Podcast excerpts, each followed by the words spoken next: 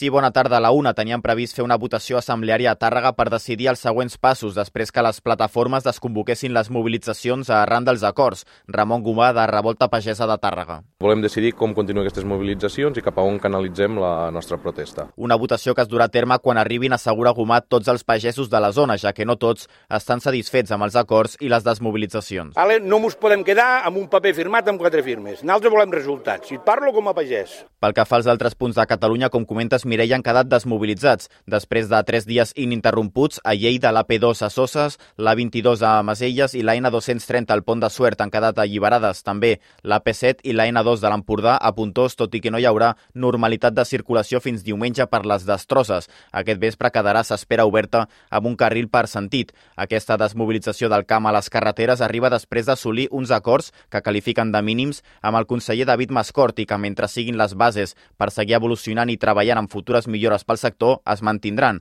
Per part d'aquestes plataformes ens asseguren que les desmobilitzacions per part seva són oficials i que qualsevol possible i hipotètica protesta seria totalment de caràcter individual i a títol personal.